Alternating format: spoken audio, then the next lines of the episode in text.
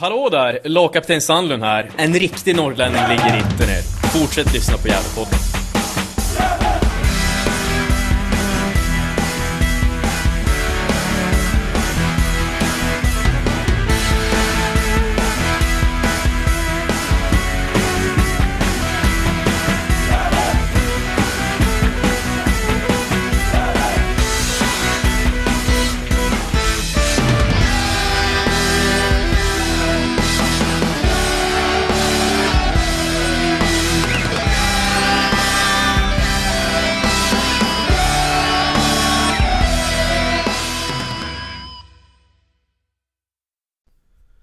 Ja, då hälsar vi alla lyssnare varmt välkomna till Gävlepodden 254. Och idag är det jag, Niklas och Johan som är med er. Och vi ska prata upp eh, matchen mot Piteå som spelas ja, inom bara 24 eh, timmar faktiskt. Från när vi nästan spelade in den här podden, eller hur Johan? Ja, men det blir ju så den här framskjutna matchen eftersom att eh, Piteå åkte på, på lite eh, en släng av corona i laget och eh, ja, eh, det landar på det här datumet som är, som är imorgon då. Mm, så är det och jag kommer vara på plats tillsammans med några andra giffare så det kommer vara otroligt härligt. Eh, men jag tänker att vi kanske ska, det är ju transferfönster öppet nu. Eh, det har inte hänt så mycket kring Gävle IF, dessvärre. Eh, fast vi vet att Micke haft några krokar ute. Så har inte nappat än. Som man säger på fiskespråk, eller Johan? Ja, precis.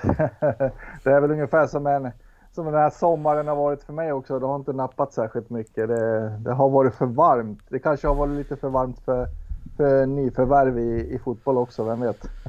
Ja, precis. Men eh, den stora som jag tycker är värt att nämna i ettan norra det är att eh, Robin Deprem, 14-målare Örebro Syrianska, har blivit såld till BP. Eh, precis. Mm. Och så har Omar Faraj då i sin tur lämnat BP. Vet inte vad, vilken klubb gick han till?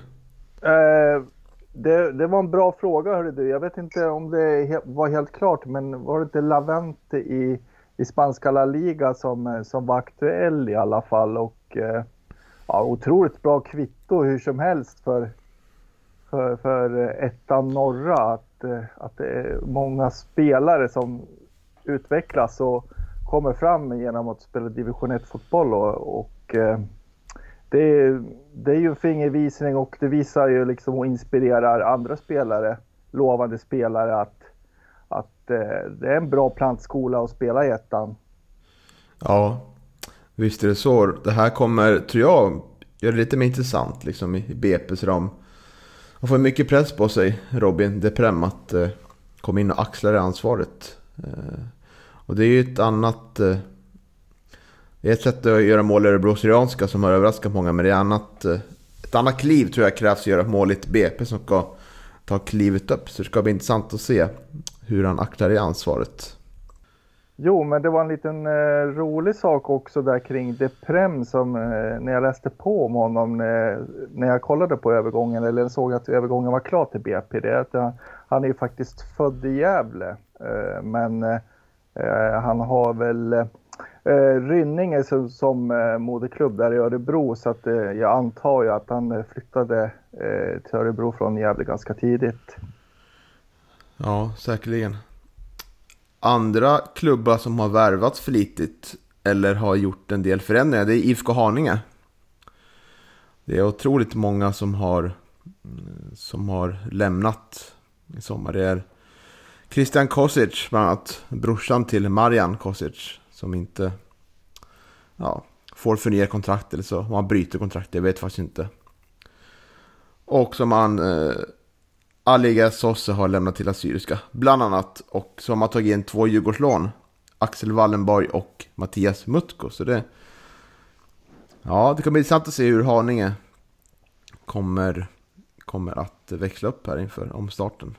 Mm, det är ganska strulig och orolig säsong för, för Haninge med mycket förändringar hit och dit. Och, eh, det vart ju även klart med en ny tränare från från division 2-klubben Huddinge. Eh, och eh, nu kommer jag, minns jag inte namnet på honom, men, men någonting som är, lite extra intressant är väl att eh, många av de här Sollentuna nyförvärven som man, som man tog in inför säsongen har man nu valt att avsluta kontrakterna med och det är ju lite, det är ju lite intressant. Mm. Ja, det ska bli spännande att se när vi möter Haninge igen här under, under sensommaren eller hösten. När det blir, hur de har ändrat sitt spel eventuellt då. Mm. Men vi ska ju prata mycket om eh, Piteå Gävle som spelas imorgon torsdag klockan ett. Och vi har gjort ett, kommer jag på här nu, ett tidigare motståndarkollen om Piteå. Men det var ju ett tag sedan så vi gör väl ett, ett nytt försök då. Eh, så det blir två avsnitt om Piteå kan man säga, men det kan det väl ha, eller hur? Ja men absolut eh, och eh, vi får väl försöka inkludera det snacket som vi, som vi hade med, med Piteås sportchef Johan, eh, nu tappar jag efternamnet på honom. Norberg. Norberg, ja precis. Vi inkluderar väl det i, i det här avsnittet också så får, får ni lyssna på det en gång till, tycker jag. Då hälsar vi Johan Norberg, sportchef i Piteå. Eh, FF va? Välkommen. Stämmer bra, tack så mycket. Ja, och eh, vi har ju tippat tabellen här i Gävlepodden. Vi är sex stycken som gör det. Och eh, vår gemensamma tippning blir då att ni kommer på en fjortonde plats. Vad tror du om vår tippning? Är vi rätt ute eller är vi... Eh, nej, såklart så, så tror jag att ni har, ni får fel där. Eh, visst, vi är nykomling och det är ju ett ruskigt Getingbo, ettan eh, norra i, i år. Så det kommer bli en riktigt bra serie. Men, men jag har högre tankar och förväntningar på, på PTIF. Så att eh, jag tror ni får, får fel där. Eller jag hoppas att det var fel. ja. Och eh, vilka förväntningar tycker du att man kan ha på er i år? Ja, men det är, det är jättesvårt. Det är ju normalt sett är det kanske det största steget man tar i fotboll mellan tvåan och ettan. Eh, sett till i fjolåret och i år, vi går från 13 matcher nedbantat division 2-serie till 30 matcher. Så blir steget ännu större. Så det, det är klart att, att eh, expertisen tippar oss eh, långt nere. Men, men ser man på fjolsäsongen och ser man liksom vad vi, vi vill göra och vilka spelare vi tagit in så tycker jag att vi, vi kan nog mäta oss med de flesta lagen. Eh, vi kan nog bli en riktigt obehaglig överraskning för, för många av lagen, det, det tror jag. Mm. Hur skulle du säga att, eh, hur påverkar det här konkurrensen med att ni har Luleå och Umeå i samma serie? Er att eh, få in spelare och så i laget? Eh, egentligen inte jättemycket. Det är klart att många spelare har gått mellan Piteå och Luleå genom åren. Det är ju det är bara fyra mil bara. Nu, nu snackar vi Norrlands avstånd här. Men mm. eh, förra gången var jag ettan, då, då var det upphaussat till Umeå ett derby, men det är ändå 22 mil. Ja, just det. Mm. Så att det eh, påverkas inte jättemycket. Det är någon enstaka sådär som har varit ryktig, men, men samtidigt så har vi varit ryckt i samma spelare som, som Gävle och Sandviken också. Så att det, det, det är ingen större konkurrens så.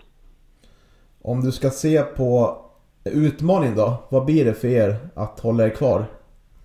Nej men utmaningen blir jämnheten. Eh, högsta nivån har vi för att, för att prestera riktigt bra. Jag, jag är väldigt nöjd med vad vi, eh, vars vi är, vilken fas vi är just nu. Men, men som jag nämnde tidigare så 30 matcher eh, är en utmaning och sen också hålla jämnheten. Att inte falla ner i, i liksom negativa trender och vara kvar för länge mentalt i liksom eh, förluster och missöden. Så det är väl egentligen det mentala eh, som blir, som blir liksom det, det svåra tror jag. Och, och sen hålla över, över hela året. Ända fram till eh, sista november. Mm. Och om du kan se möjligheten då till att ni blir något utöver extra år? Ja men våra möjligheter är ju att vi först och främst är hemmastarka. Först, sen eh, sekundärt så är vi ju Alltså alla nykomlingar, framförallt Norrlands eller Norrbottenslagen, är ju fruktansvärt osexiga. Alltså det är inte jättekul att åka upp till Piteå och det kan vara snålblåst och snöstorm och allt möjligt. Så att, eh, sist vi var om vi var ju upp 15-16, då var vi otroligt hemmastarka. Eh, vi hade några procent vunnet redan, redan liksom när motståndarna eh, klev på planet på Arlanda. Så att, eh, nackdelen att vi, vi är långt från, från fotbollssverige är ju för egen del, men för motståndarna är ju jobbigt att komma till Piteå. Det, det hoppas att det är i år också. ja, jag vet inte så mycket om staden Piteå. Eh, vad skulle du säga? komma och hälsa på. Ja, hoppas jag får göra det. så småningom. Ja, men det, det är väl inte så mycket att säga om, om staden så. Vi är väl mest känd för, det är ju en hockeystad historiskt sett. Och sen har vi ett damlag som vann SM-guld 2018. Så att herrfotboll, vi är väl enda staden i, i Sverige, i världen, där damfotbollen står högre. Så att vi, vi slår lite underläge där. Eh, men eh, staden som sådan är ju framförallt en väldigt eh, fin sommarstad med ganska mycket turism och festivaler och ungdomsfotbollscuper. Mm. Icke pandemiår. Så att, ja. Ja, just det. Härligt. Om du skulle försöka förklara ditt lags spelsätt då? Utan att avslöja för mycket för motståndarna. Ja, nej men vi, vi har ju naturligtvis ska vi prestera där vi är, men vi har ju en ganska genomarbetad plan vad vi vill stå för, både rekryteringsmässigt och spelmässigt. Så att oavsett serietillhörighet så har vi en grundplan. Givetvis måste man kanske anpassa eh, vilka man möter, om det är hemma och borta sådär. Men vi vill, vi vill spela fotboll och det säger vi såklart alla i den här serien. Men, men eh, vi vill verkligen utveckla våra, våra spelare och, och vårt spel och vill spela bollen genom lagdelar. Eh, vi vill vara kreativa, vi vill gärna ta initiativ. Sen vet vi att det är svårt att ha initiativet i, i 90 minuter, men när vi kliver av en match så, så vill vi ändå ha varit med och liksom fört, fört matchen dit eh, vi vill. Så att, eh, ja, vi, vi tänker inte bara sitta och se på vad de andra gör, utan vi vill ta tag i taktpinnen och, och, och försöka spela vårt spel. Mm. Spännande. Inga långa bollar på bänk alltså uppe i Piteå? Nej, så är det. Sen kommer vi säkert hamna i perioder där vi måste spela längre och vi, vi har jobbat med, ett, med vårt djupledsspel. Det var någonting som kanske var en svaghet i fjol. Det blev lite tråkigare än sådär. Så att, så att nu, nu vi försöker utveckla vårt djupledsspel och väl fått in spelare som bidrar till det, men, men kanske inte vårt primära sätt att anfalla. Mm. Om du skulle kunna nämna tre spelare då i laget som, som blir nyckelspelare, som är extra viktiga? Oh, ja men vi... Det är ju... Vår styrka är ju jämnheten, att vi, vi har ju... Eh, vi är ganska både homogent och, och ganska jämnt lag. Hård konkurrens, men vi har ju nu senast fick vi en hemvändare, eh, eller vi har två, vi har tre stycken hemvändare som, alltså Piteå-spelare som kom hem och det är Johan Hedström, Gustav Mukvalin och Henrik Milbert. Milbert eh, har spelat med IK Frej i Superettan. Så de tror jag kommer bli jätteviktiga. Sen eh, har vi en eh, forward från IFK Haninge, Pashang Abdullah, som kommer bidra mycket för oss. Så har han gjort på försäsongen med sin styrka och sin liksom, arbetskapacitet. Mm, just det. Ja, han gjorde mycket mål för något år sedan. Ja, eh, han var Karlberg där öste in 26 på 24 matcher, men det var ju två. Mm. Sen var han i Haninge i fjol med, hade väl lite skador och sådär. Sen hade en viss Koffi som gick före. Han var ju halvhyfsad han också. Ja, helt okej. Helt okej. Ja, spännande. Ehm, som avslutande fråga då, hur, vad tror du om topp tre för ettan norra 2021? Vilka lag tror du blir där uppe och tampas? Mm. Ja, det, den är faktiskt riktigt, riktigt svår. Normalt sett så är det ett eller två lag som, som jag tror kan segla iväg ordentligt, eller brukar vara så. Men BP såklart. De har ju, jag såg de här mot IFK Luleå, de har ju en spetsigare offensiv. Lite mindre kladda, lite rakare. Eh, Så att de, de blir ju farliga och har gjort kanonvärvningar. Sen tror jag alla på Dalkurd, men jag är inte så jäkla säker. Jag tror de kan bli lite för spretiga över 30 matcher, men eh, eh, Sandviken ser jättebra ut. Inte bara för att de nu råkar vinna över, över Giffarna, men, men de tror det är bra. Sen är frågan, får, får Gävle behålla Lidberg eller hinner han säljas? Ja, det är den stora frågan. Eh, kanske kommer ett monsterbud från Piteå. Ja, vi har dåligt, dåligt med monsterbud. Men eh, Lidberg Englund är ju i mina ögon en, en superettan-duo. Så att eh, Gävle kan nog få ett riktigt intressant år. Då säger jag BP Sandviken-Gävle. Mm, spännande. Ja men Ja, grymt. Fina derbyn. Ja, absolut. Då tackar jag dig Johan för att du ville vara med i podden. Ja, men tack själv. Absolut. Mm. Och eh, det man kan säga då om, om Piteå, det är att under transferfönstret här så har man Filip Frodin och eh, Etano Mahoto har lämnat klubben. Och så har man flyttat upp två stycken eh, från Piteå IF2. Filip Modig och Arvid Eklund. Så det är inga stora förändringar i Piteås lag. Vilket är väl ganska väntat ändå. Ja, det tycker jag och det är väl inte, det är väl inte så att det känns som att, att man behöver göra några dramatiska förändringar heller i Piteå utan eh, de har väl, de har väl egentligen överraskat något eh, ja, på oss och på de flesta skulle jag kunna tänka mig. Absolut. Och eh, man avslutar alltså eh, vårsäsongen med att eh, vi tar det bakifrån då, fem senaste matcherna. Man vann mot Assyriska med 3-2. Man vann, eh, eh fel att kalla det derby kanske, men rivalmötet mot Luleå med 3-0. Eh, sen förlorade man mot Hudiksvall med 2-1, förlorade mot Umeå med 4-0 och 1-1 mot Sylve då, innan uppehållet. Så, mm, Svårt att säga var formen ligger eh, i Piteå. Men man landar ju på en tolfte position i tabellen. Där man har fyra vinster, fyra avgjorda och sex förluster. Och eh, fyra av de här vinsterna så har ju tre kommit på hemmaplan. Så man är otroligt eh, hemmastarka. Som vi trodde på förhand också. Ja, absolut. Och eh, det kommer inte bli någon eh, lätt match eh, för, för Gävle att komma upp. Det är väl egentligen inte optimalt överhuvudtaget att efter ett uppehåll åka upp till Piteå eh, när man är lite rostiga sådär eh, och eh, spela match. Men, men nu är det ju som det är och eh, ja, det ska bli spännande imorgon att se, se vad Gävle står och eh, eh, var man nu står någonstans utan eh, Isak Lidberg då, som har flyttat till Holland. Mm. Vi kommer väl in på vår, vår laguppställning sen då. Lite senare tänker jag. Det ska bli intressant att prata om. Ja, det blir lite intressant eh, att titta lite på eh, hur vi kan tänkas eh, ställa upp faktiskt tycker jag. För att det finns ju en del frågetecken. Mm. Men Piteå då? Hur mycket Piteå har du sett i år?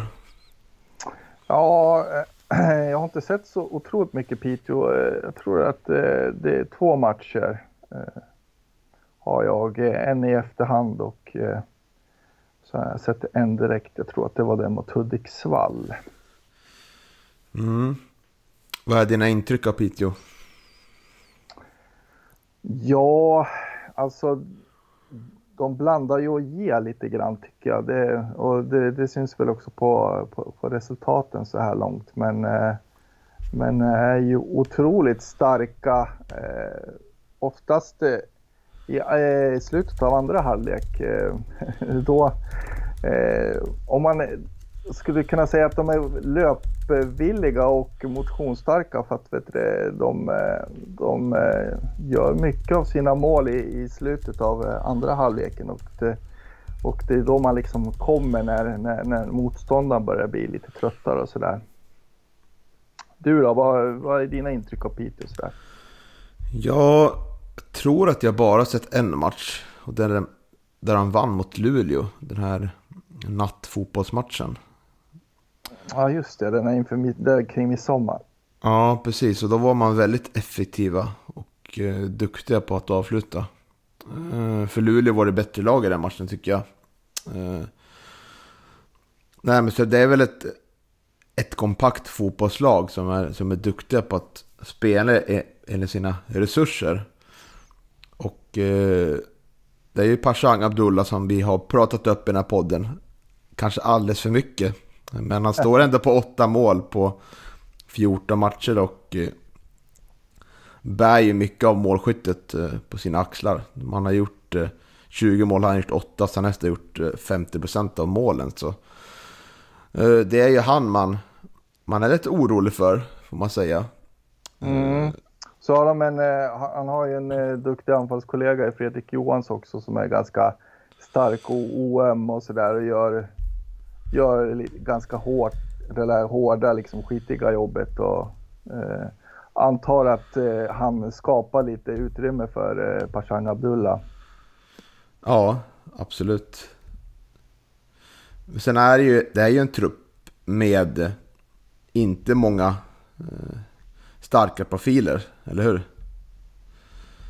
Nej, det, det, det, är det ju inte. Det är väl en, det är liksom ett, eh, vad ska man säga, eh, ett jämnt och eh, jämnstarkt och eh, liksom homogent lagbygge där, där, där man, det är klassiska svenska egentligen, där man, man jobbar som ett lag och eh, eh tar sina poäng på det viset, eh, skulle jag vilja säga förmodligen hög, lång, lag, hög lagmoral och sådär och bra sammanhållning. Så där. Det, det, kan man komma långt på. Mm, visst är det så. Och jag är inne och kollar här på... Eh, man har inte förlorat på hemmaplan sedan den 11 april. De har förlorat med 3-0 mot Örebro Syrianska. Så det är ju ett otroligt tryggt lag på hemmaplan här. Och eh, om jag fattar rätt så är det enda, enda förlusten på hemmaplan. Eh, annars har man en del avgjorda och många vinster. Ja, precis. Och eh, nu, nu haltar ju den där tabellen lite eftersom det, det är ju en hängmatch här mot, mot Gävle. Så vi får ju se då, vet du, om förhoppningsvis då för våran skull och för Gävles skull så, så blir det, kommer de stå på två förluster efter, efter matchen imorgon. Ja, precis. Och det man kan säga till, till deras nackdel då, det är att de inte har mött de här riktigt eh, tunga pjäserna än. Sandviken, BP, eh, Karlstad och, eh, och Umeå bland annat. Utan och Dalkurd. Utan det är Örebro Syrianska som har mött som är, som är det bättre laget då, i toppen just nu. Och där de har förlorat så. Det, man är duktig att ta poäng mot, mot de här lagen man förväntar sig en chans mot. Och det ska man ha all heder åt. Men eh, vad skulle du säga? Vad, vad ser du framför dig för matchbild? Ja, eh, som vanligt egentligen när, när, det är Gävle inblandat nu för tiden så, så tror jag att Gävle kommer att ha ett lite större bollinnehav än vad Piteå kommer ha. Och eh, det tror jag inte är någonting som vet, Piteå kommer att vara missnöjd med på, utan tvärtom. Eh, eh, utan man, man, kommer nog låta Gävle ha det mesta av bollinnehavet så, så kommer man, man kommer att kontra och ja, satsa på på kontringar och eh, så är man ju även duktiga på fasta situationer. Så att eh, eh, där, där får Gävle se upp. Mm. Ska vi ändå komma in på det då? Gävles spel. Jag tycker det är, det är intressant. Det här är omstart nu och det har inte hänt så mycket i transferfönstret. Kanske för lite tror jag. Både, både Micke och, eh, och vi supportrar känner. Fast kanske Micke och har större tålamod och väntar in den rätte. Men eh, det är ju eh, Nisse och Våfflan är fortfarande skadade. Men det är på innerfältet det är verkligen intressant för där har man Amadou Kalabane, Erik Granat och Oskar Karlsson avstängda. Och där ställer ju liksom lite frågetecken hur man vill formera det här innerfältet och hur man vill formera laget. Det finns ju lite olika alternativ. Det finns dels att man han kommer ju bli tvungen att ställa upp med, med två innerfältare oavsett. Det kommer man inte ifrån. Och jag tror väl att det blir en slags eh, 3-4-3 som vi har spelat under, under året. Eh, jag tror inte att han känner sig kanske riktigt bekväm att gå tillbaka till 4-4-2. Eller vad tror du? Tror du att, det, att han kan överväga det när Isak Libra lämnat nu? Att han istället vill ha en Hjälte och Englund på topp, att det fungerar bättre?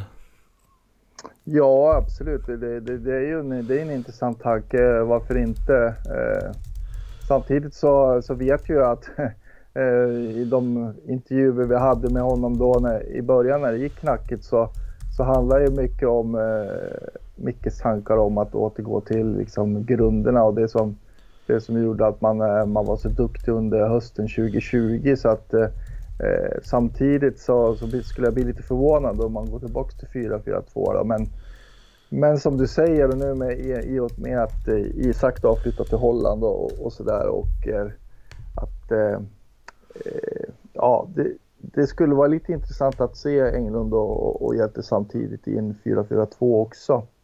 Mm. Eh, eh, men eh, det som egentligen är mest intressant nu om man, eh, om man blickar mot eh, matchen imorgon det är väl vem som ska spela med Sebbe på det centrala mittfältet.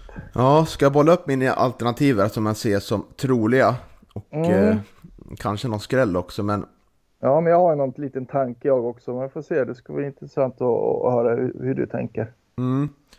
Eh, jag har ju fyra namn då, jag tänker. Eh, jag tänker dels Linus Salin, tror jag är ett tänkbart alternativ. Bolltrygg spelare.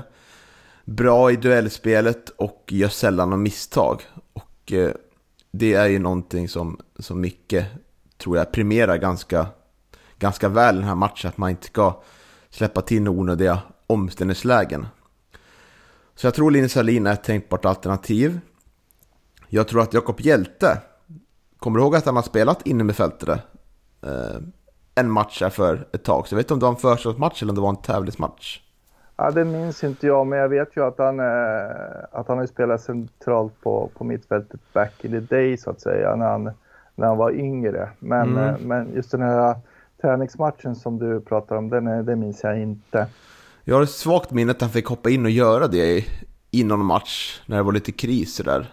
Uh, eh, jag tror det var, ja, det var matchen när vi fick någon utvisad tror jag det var. Uh, ja, ni lyssnare får hjälpa mig fräscha upp minnet här. Men det tror jag är ett alternativ i alla fall. Uh, och sen Albin Lukangas. Duktig på det mesta som vi vet. Tror jag också är ett alternativ. Och mitt sista alternativ är Axel Näsholm. Som vi har sett ibland få hoppa in och spela som central mittfältare. Kanske lite längre fram i banan men jag tror att han kan vara tänkbart här också. Så det är mina fyra alternativ. Har du någon annan här Johan? Innan vi börjar bedöma troligheten i det hela. Ja, det kan väl göra. Men jag sticker väl in eh, Kevin Persson där också som har spelat centralt på, på mittfältet tidigare eh, när han var yngre. Så, eh, så ja, det finns väl kanske fem alternativ då. Men, men högst troligast eh, om vi ska gå in på det så tror jag väl att det är Linus Salin som, som går in bredvid Sebbe. Det, det är väl det som jag tror är lägst odds på så att säga. Mm, jag tror det också. Jag tror faktiskt att jag tror att han vill behålla Kevin i backlinjen. Jag tror väl också att han vill bibehålla Albin på en kant. För att han har varit, det är där hans främsta styrkor ligger. Eh, men då är frågan. Vi säger att Linus Alin flyttar upp till innermittfältet. då. Tillsammans med Sebbe. Då ser backlinjen ut Kevin Persson, Theodor Hansemon och då blir det väl Albin som sista gubbe där va? Ja, precis. Eh, eh, det var väl i, jag kommer inte ihåg vilken match det var som, som han fick eh, kliva ner och spela där och jag tycker att han skötte sig riktigt bra som, som mittback där i, i trebackslinje. Så att ja, högst troligt att, att det kommer att se ut så. Men Micke har ju överraskat oss tidigare så att ja, det ska bli spännande. Mm, alternativet är att Emin Gadzo går in men jag tror inte att han vill släppa fram Emin Gadzio i en sån här typ av match när det gäller så mycket fortfarande. Mm. Ja, vem vet, vem vet. Eh, det, han har ju, gav ju Hansemo ett stort förtroende här i början på säsongen och under, under säsongens gång. Så att eh, ja, det skulle vara lite intressant att, att veta statusen på Gadzio också. Mm. Och det kommer innebära att Albins plats på det här mittfältet då kommer bli tom.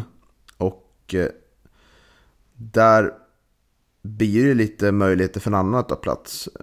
Det känns ju som att eh, det är Sutso på ena kanten i mittfältet i alla fall. Men andra platsen är ju... Uh, den är ganska öppen. Den har ju pendlat lite tycker jag, under hela säsongen. Det var, antingen var det, början var det Nisse som var uh, startplats eller andra man på den positionen. Men nu har det snarare blivit Sebastian Friman som har axlat den rollen. Och det är väl mellan de två det står mellan va? Ja, precis. Så är det väl.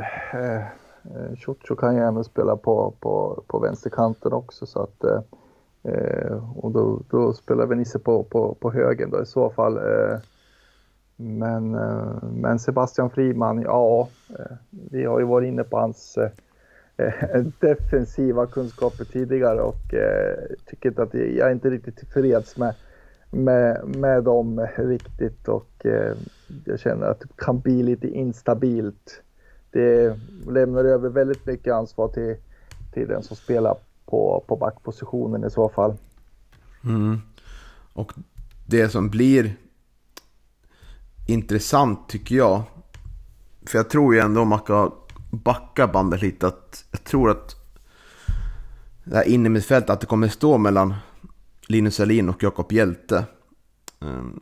För att om man vill säkra upp det defensivt och om man sätter Sebastian Friman på en hög mittfält så, så vill han nog ha någon där bakom som är stabil och kan, kan täcka upp den platsen så bra som möjligt. och ytorna som skapas bakom Friman. Och där vet vi att Linus Alin är väldigt duktig så. Frågan är om man vill släppa upp en så pass stabil pjäs som Linus Alin. Eh, Ändå. Eh, för om vi ponerar, leker lite med tanken att han, han väljer att spela Jakob Hjelte som innermittfältare. Eh, så, så har vi ju tre namn där framme som... Eh, vi har Lea Englund som jag antar kommer starta då. Pontus Jonsson och så kanske han vill ge Axel Näsholm chansen istället. Att han spelar sådär. Eller Sutso i den offensiva trean. Så jag, ty jag tycker att det, jag, nu när jag tänker efter så tycker jag inte att det, det, är inte glasklart att det blir Linus Alin ändå. Jag tycker att det, det finns lite värt att tänka kring det hela. Mm, nej, men det är, väl, det är väl ingenting som är, som är tyvärr är riktigt eh, glasklart. Det, det, det, blir ju väldigt olyckligt när, när tre liksom, centrala mittfältare är borta samtidigt. Och eh, det stärker väl bara bilden av att, eh, att det är väl där man främst skulle behöva förstärka egentligen. Eh, nu vet jag att nu har man varit ute och letat en anfallare men men eh, som så många gånger förr i, i den här podden så har vi väl, har vi väl konstaterat, eller vi tycker väl att, att eh, vi har det ganska välbeställt när det gäller forwards i, i den här truppen och att, eh, att det är någonting, eh, det är någon spelare, en duktig spelare som, som kan spela centralt som, som behövs i den här truppen. Mm. Ja, det ska bli intressant att se. För nu var det ju det var ett tag sedan vi spelade, spelade en tävlingsmatch. Eh, vårt U19 har ju, har ju spelat en match mot ett akademilag från Holland. Men varken du eller jag har sett den va? Nej, precis. Eh, vet bara att man, eh, att man vann den där matchen. Och mm. att, eh, eh, vad var det, Oskar Karlsson och eh, Ibrahim Al-Hassan hade varit med från A-laget och hade imponerat om jag har förstått saker rätt och de rapporter som jag fått. Mm. Så hade vi sett den matchen hade vi kunnat prata mer kring den. Men eh, annars så har det gått ett bra tag sedan vi tog den här tre poängen mot Karlstad. Så det ska bli intressant att se hur vi startar om den här säsongen och eh, hur, hur vi löser vårt målskytte framförallt. Eh, med Leo Englund där framme. Hur, hur hans position blir i lag nu när eh, när Isak Liberg har, har lämnat och hur han kommer fungera med Jakob Hjelte. För att det, det, vet du, det samarbetet behöver kunna fungera bra om det ska bli en trevlig andra del av den här säsongen, eller hur? Ja, absolut. Det är av, eh, det är av yttersta vikt att, eh, att eh, de två hittar kemin där framme och det, det fanns väl ändå tendenser tycker jag till, som, som tydde på det när, vi, när Englund kom in mot Karlstad. Så att, ja, förhoppningsvis så, så, så hittar man den där kemin och, och, och både Hjälte och Englund hittar målet i större utsträckning. Mm. Och eh, vill du landa i en, i en trio där framme då? Oh, ja. Eh, jag skulle nog, eh, jag skulle nog som sagt eh, vilja ha Englund och, eh, och eh, Hjälte. Och sen skulle jag nog eh, vilja ha en Näslund där. Mm. Så du vill bänka Pontus Jonsson? Ja, tycker inte... Eh, ja, hade en, eh, hade en eh, tveksam och, och seg start på, på, på seriespelet och var bra i, i ett par, fyra, fem matcher där i, i, i mitten men har ju avslutat bedrövligt igen och eh, hängt mycket med huvudet och in, liksom inte sett ut att ha haft det där riktiga självförtroendet. Eh, sen, sen, sen så gillar jag ju liksom den här speeden och snabbheten som, som som man får i, i, i och med att eh, Näslund spelar tycker jag. Mm, Näsholm. Näsholm, förlåt. Inge, inga hocker här. Nej, precis. Näsholm heter han, inget annat. Mm. Nej, man kan tro att det är hockey, för Piteå är väl... Känns som det skulle kunna vara en hockeystad, men jag tror inte de har så, någon bra hockeylag va? Mm, nej, precis. Eh, det, är väl division 1-nivå på dem också har väl varit nosa uppe lite på och inte vad det är allsvenskt spel men eh, det är väl eh, fostrar väl en hel del duktiga spelare som hamnar i SHL som småningom. Det har man gjort genom åren. Mm.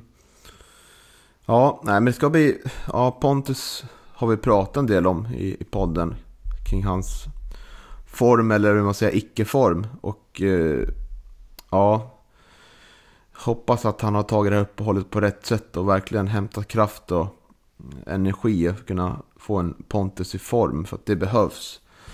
Men eh, ja, jag skulle väl också kunna se Näsholm från start och eh, det är nästan så att jag börjar liksom hamna i läget där jag börjar tycka att eh, Ibra förtjänar en startpass också. Han har gjort många fina, pigga inhopp och vi behöver lite mer djupledsspel ehm, i vårt spel tycker jag. För att eh, ibland blir det väldigt statiskt, framförallt mot mot, eh, jag tror att det kommer bli ganska, det finns en risk att det kan bli statiskt spel mot Piteå här för de kommer nog ligga och backa hem och vi kommer försöka försöka där och eh, då gäller att vi är lite mer kreativa och tar lite mer risker så mm, skulle vi gärna se eventuellt Ibra då eller Näsholm från start om inte Pontus är är i den formen vi tycker att han bör vara i absolut. Mm.